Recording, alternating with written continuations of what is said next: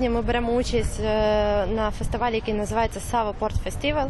І дуже вдячні організаторам туристичної організації Савський Венець, які нас запросили цього разу взяти участь. Е, Це фестиваль е, української культури, української кухні, українських сувенірів. Сьогодні ви маєте можливість попробувати українські солодощі. Е, Ми презентуємо вперше е, вина нових молодих українських винарень. Дуже рекомендуємо їх попробувати. Е, Ну і звісно ж, наші сувеніри це хендмейд вироби, це наші традиційні віночки, це вишивка, це сувеніри, книги, підручники, де ви можете купити підручник для вивчення української мови. І різні цікавинки з України, які ми е, презентуємо е, всім відвідувачам. Ми вже традиційно робимо майстер-класи, особливо ми орієнтуємося на е, дітей, щоб заохотити їх, зацікавити, оскільки українська культура дуже багатогранна. Ми вирішили продемонструвати діткам традиційно, як плетуться українські віночки, як зробити магнітик на холодильник пам'ять на згадку про Україну в вигляді українського віночка. Також маємо сучасні е, види українського мистецтва, е, окрім традиційної вишивки і вишиванок. Пропонуємо їм зробити самим собі брелочок е, чи чехол на телефон з українськими мотивами, українською вишивкою. А також показуємо вироби, як можна зробити красиві вироби з бісеру, як українці вишивають ікони з бісеру, і е, уже традиційні українські синьо-жовті браслетики на руку. А для найменших ми пропонуємо зробити собі намисто на шию або для мами. Краще ознайомитися з українською культурою і традиціями відвідувачам допомогли студентки групи української мови і літератури Білградського університету. Studiram ukrajinski jezik, književnost i kulturu na Filološkom fakultetu u Beogradu. E, odlučila sam se da studiram ukrajinski jezik zato što sam želela da studiram neki slovenski jezik i mnogo mi se dopada kako zvuči i jako je lep i pevljiv i lak za učenje. Došla sam da volontiram kao student da pomognemo da na štandu da se predstavi Ukrajina. Imamo neku sličnu kulturu koja zapravo potiče i od i pošto smo isti slovenski narod, ali ima svoje karakteristike i jako je zanimljiva i neobična. Studiram ukrajinski jezik, književnost i kulturu na Filološkom fakultetu u Beogradu. E, što se tiče Ukrajine, pa pre fakulteta nisam toliko bila upoznata uopšte da postoji taj jezik na Filološkom fakultetu kao u okviru katedre slavistike. E, prilikom upisa sam to saznala i odlučila sam da probam nešto novo. E, mnogo mi se sviđa kako zvuči, e, profesori su nas dosta naučili, odnosno približili nam tu kulturu. Jedva čekam putovanja koji će biti e, sledeće godine kada ćemo ići u Kijev Lav, ili Lavov. E, na, da- danas smo ovde došli drugarice i ja da volontiramo, odnosno da pomažemo pri predstavljanju Ukrajine na štandu. Dosta je sličan srpskom jeziku i zanimljivo je. Imaju te neke male razlike. E, u suštini nije. I zanim, zanimljiv je jezik. Najviše mi se sviđa pa, gramatika i to samo pričanje, komuniciranje, te govorne teme. Tako. Такі маніфестації це можливість для громадян ознайомитись з культурою, культурною спадщиною та традиціями інших країн, а також з можливістю представити кожну країну у найкращому світлі. Ось що кажуть відвідувачі виставки. da podržimo ove ljude ovdje koji su došli da izlože e, ukrajinsku kulturu, ukrajinske običaje. E, kao Ukrajina je najveća slovenska država u Europi. В першу чергу е, я привела сюди свою дитину, тому що для мене, як для українки, чия дитина народилася за кордоном в Сербії, дуже важливо, е, що є такі заходи, де дитина може е, відчуває, що українська культура представлена серед інших культур, щоб вона побачила, як вона виглядає серед інших культур. Я намагаюся її виховувати в українському стилі. Вона в мене розмовляє українською мовою, але просто важливо, е, щоб вона відчувала, що це не є що вона не в вакуумі, що вона не є ізольованою е, з цими своїми знаннями української мови, українських казок, українських віршів, української культури, щоб вона могла поділитися, щоб вона могла її себе показати і проявити. Тому такі заходи, на мою думку, дуже важливі для нас, українців, які живуть в Сербії. Я б не сказала, що це важко. Головне бажання. Головне бажання. І е, діти вони ж є нашими дзеркалами, тобто вони все вбирають, вони все бачать, вони поводяться так само, як і ми. І вони ще й від природи вони в- е, вони е, допитливі, вони хочуть все знати. Тому, якщо є в батьків бажання, то діти дуже легко е, все вбирають, все, що ми їм хочемо дати і передати. Е, Тим більше, що ну, сербська мова і українська вони дуже вони дуже близькі, тому.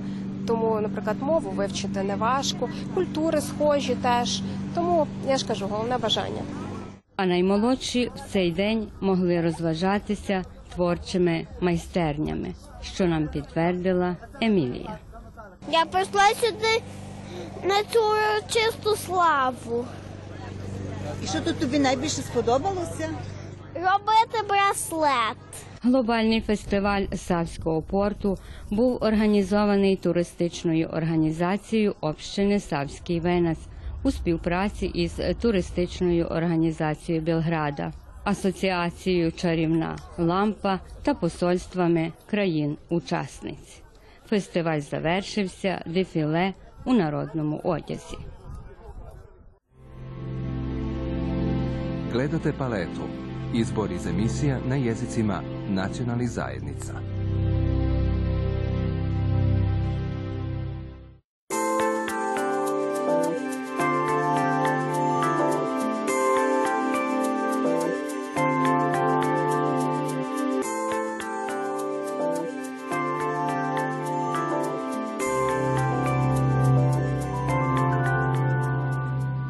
Ці осінні дні кожний з нас, напевно, зустрівся із хворобою цивілізації алергією. За статистикою, кожна третя людина у світі алергік. А за прогнозами лікарів, у найближчі 15 років більше половини населення Землі матимуть цю патологію. Про профілактику та лікування алергічних захворювань розмовляємо із лікарем-алергологом пані Віславською.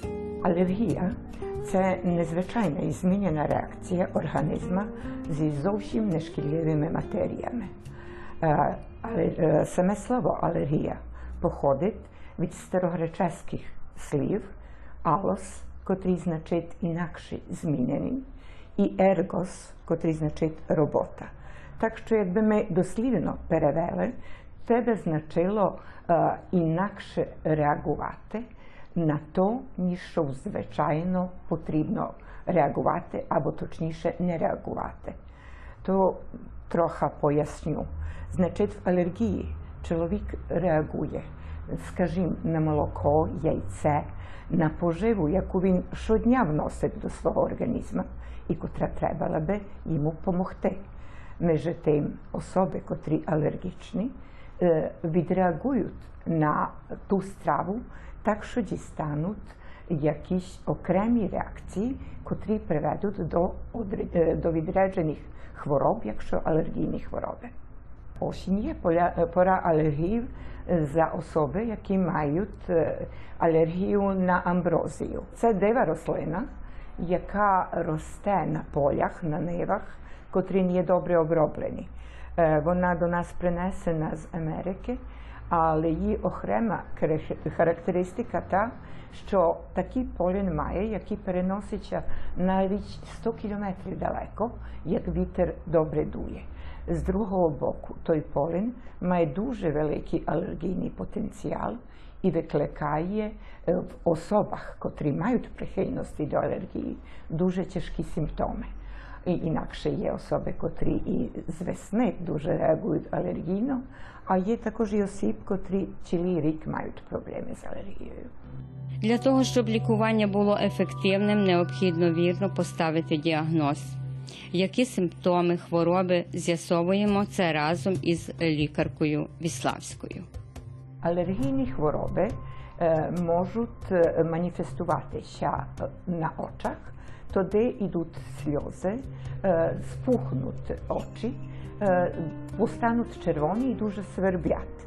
Е, Як маніфестуються вночі, тоді особа дуже багато пчихає, свербить ніс, тече ніс, і то, звичайно, така води, вода або е, густа сліз, яка е, зовсім біла, значить не є офарбована, не є жовте-зелене, але біла, е, або та особа тяжко дихає на ніс. Е, е, теж також алергії можуть е, на бронхіях е, маніфестуватися, і того дещо з'являє бронхіальна астма. Також алергія може бути на шкірі, та як е, з'явлення червоних е, печаток, котрі дуже свербять. Е, Це по-латинськи називається уртикарія, для того, що уртика то латинське слово, яке означає покриву. Е, І якраз ті зміни на шкірі е, виглядають так, як ми опечемося з покривою. Е, Хронічна алергійна хвороба на шкірі це екцем або алергійний дерматит. І також алергія може бути маніфестована е, з черевами або жолудком. А тобто, як особа з'їсть дещо, що їй не відповідає, зараз потім починає вертати, доки не викине все то, або має розвілення і моцні болі в жолудку. Алергії мають фамілійну прихильність. Значить, що це фамілійне з'явлювання. Е, Значить, як ми в себе бачимо один від тих симптомів, а маємо вже в своїй родині особу, котра має алергію було котрого типу від всього того, що я споминала, е, то значить, що вже зараз мусимо подумати, що і в нас ще почала з'явлювати алергія. Треба тоді проаналізувати момент, ситуацію, коли ще то стало, з чим ми були в контакту, що ми завжили або десь ми були. І оскільки нам ще то повторяє пару разів все в такій самій ситуації, або все як з'їмо, таке саме їдження, тоді вже маємо дуже маємо вже високі аргументи, щоб подумати, що робиться про алергію. В таких моментах треба явитися лікарові і шукати поміч, випитати, про що ще робить, і далі, потім як лікар совітує, далі обходитися. Алергія це фамілійна е, нахильність до того. Значить, вже як хтось походить з фамілії, де є алергії, е, мусить скажу, від найменшого роздумувати про алергіях. Як перше, кажеться, що мамине молоко значить, зовсім маленької дитини один від факторів, які е, стримають з'явлювання алергії. Не мусить значити, що то за ціле життя буде, так? Але як нічого друге, як дитина на е, маминих е, грудях, як дитина їсть мамине молоко, а не штучне молока, має е, більше е, шанси, щоб ця алергія з'явилася що пізніше, або щоб з'явилася в, яким, в якимось благшій формі. Ти ж також е, в родинах, де є наклін, е, наклонність до алергів, мусить роздумувати про те, що в фазах як імунітет впаде тій особі. Значить, після якоїсь е, тяжкої хвороби, після якогось великого стресу, або як е, та особа десь дуже далеко їздить і вимучена є, в тих моментах багато легше з'явить алергія. Значить, в тих моментах не треба би йти до природи, як дуже дує вітер, не треба би, може, їсти їду, яка має дуже багато хімії в собі, не треба би бути на місцях, де дуже багато куриться і де воздух дуже нездалий. Значить, це все, все можливість, яка допоможе, щоб алергія з'явилася. Також особа, котра має наклін до алергії, не треба б курити взагалі, бо дим папіросів е, один від великих факторів ризика за з'явлювання алергії. Наша співрозмовниця наголошує, що як діагностику, так і лікування потрібно проводити виключно за рекомендації та під наглядом лікаря-алерголога. алергія може значить бути е, виражена на очах, носі, на бронхіях, на жолудку і черевах і на шкірі. То, ті, е, е, то е, в ту категорію можуть е, врахувати так звані алергійні хвороби. Між тим, алергійно може реагувати і цілий організм, і це той так званий алергічний шок, який може ще в поодиноких особах, окрем, зокрема, як їх вкусить пчола або дещо тих інсектів такого моцного типу, або може ще така реакція з'явити, як поодинокі особи з'їдять, скажімо, рибу. Риба має дуже великий алергійний потенціал в зато прихильних осіб. Також може ще з'явити, скажімо, після ін'єкції деякого антибіотика або деяких других лікарств. В таким е, моменті е, цілий організм реагує на е, алергічно на те, що завжив, і тоді прийде до е, е, кри, паду, е, паде кривовтиснення, е, серце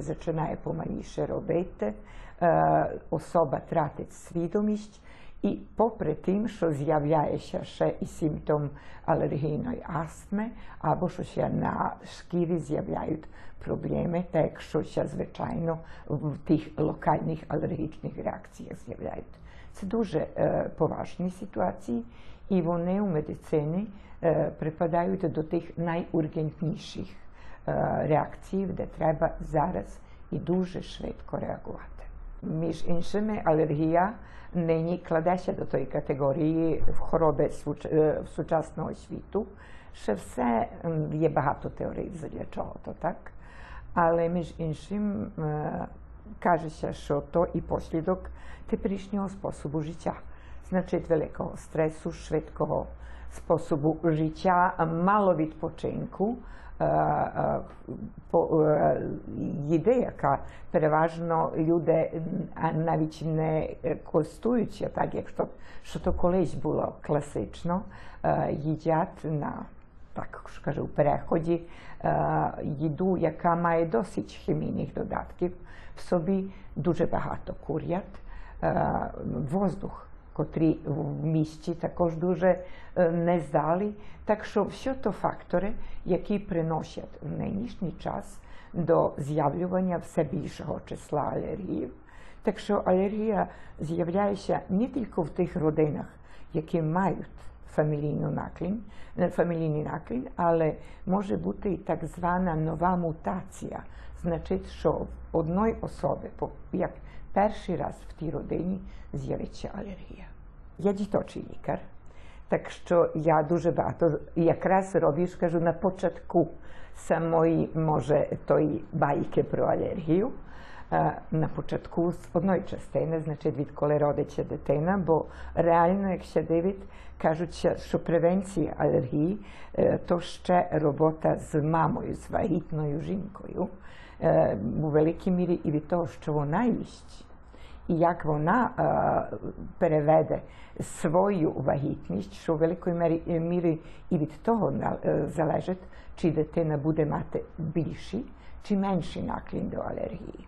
Значить, як йдемо від самого початку, е, особа, вагітна жінка, е, перше треба би, е, щоб перевела чліх тих 9 місяців в найліпшим можливим здоров'ю, з найздоровшим способом е, їдження і взагалі способу життя, значить, досить спання, е, не курення, не тільки щоб вона не курила, але щоб ніхто в її родині, туди вона перебуває, не курив. З другого боку, е, ліпше би було, якби вона могла е, під час вагітності не брати ніякі лікарства. І щоб ти ж так під час вагітності брала е, їду, котра має в собі е, ті е, так звані омега-3 і омега-6 масні е, кислини, для того, що вони дають відряджений е, ефект протективний, щоб алергія пізніше з'явилася. Багато здоровший спосіб родження природним на природний спосіб, розумієте, оскільки то можливе, оскільки не є, немає якісь другі медичні причини, задля того, що перший контакт дитини з тим, що з надвору, багато ліпший, як то йде через мамині репродуктивні органи, а не як то хірургічна сая, де все стерильне і де евентуально є тільки бактерії, які можуть на другий спосіб вже зменшити е, саму, е, саму реакцію організму тої дитини. Потім дитина би trebala бути на маминих грудях найменше 6 місяців. Е, Може і один рік, але найменше 6 місяців. Е, Як дитина вже мусить перейти на їду з другим молоком, е, те не треба би бути коровське молоко, доки дитина не наповнить 12 місяців. Е, Що після того сядає коров'я- коров'яче молоко, а до того періоду йдуть так звані адаптовані молока, які більше присподобані дитині. Їдження, яке дитина завживає, не треба би зачати вводити скоріше 4-5 місяця життя. Також е, е, треба ще порадити з доктором, котрі то, е, котра то їда носить більший алергійний потенціал, і ту їду відкладати і зачати дитині давати шуно в другім році життя. То в першій мірі риба, е, горіхи, е, туди е, яйце, більчок від яйця також. Значить, то все треба відкладати трошечки пізніше. Е, Добре би було, оскільки би дитина в перших місяцях свого життя не мусила діставати ніякі антибіотики. Також, щоб в родині, де є мала дитина, щоб не курити, щоб дитина жила в одним здоровім окруженню, дитину вчити від початку на один добрий ритм спання і е, того будного е, побування, виводити дитину до природи, але не того, де як дують моцні вітри, окремене в тім періоді, як є багато поленів воздуху.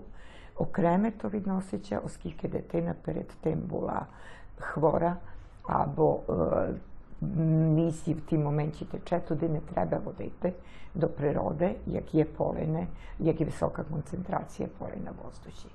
Пізніше треба продовжити той здравий спосіб життя, кілько то можливо в наш час. І ніколи не курити. Я педіатр, що значить діточий лікар, який спеціалізувався за алергію, за хвор... алергійні хвороби і за клінічну імунологію. Як люблю робити з дітьми. Певне, що то з одної міри і задля мого батька, який був вчитель, який робив дітьми, і певне, що і задля того великі, велика прихильність до роботи з дітьми, і правда, це по мені найкраща частина медицини, сама робота з дітьми. То, що я вибрала алергію і імунологію, то може був і такий час, що в той, якраз в тім періоді то шукалося. Але можу сказати, що ніколи не покаялася, що це правда щось, що е, все, що далі час відходить, що має все більше і більше перспективи, все більше і більше роботи. І думаю, що то зовсім одна цікава частина роботи, де ще може досить людям допомогти е, і зі совітами, і з лікарством. Порадиш, які зведуть до мінімуму ризики та неприємні симптоми алергії, традиційні. Дотримання рекомендацій лікаря-алерголога, здорове раціональне харчування та мінімальне стресове навантаження.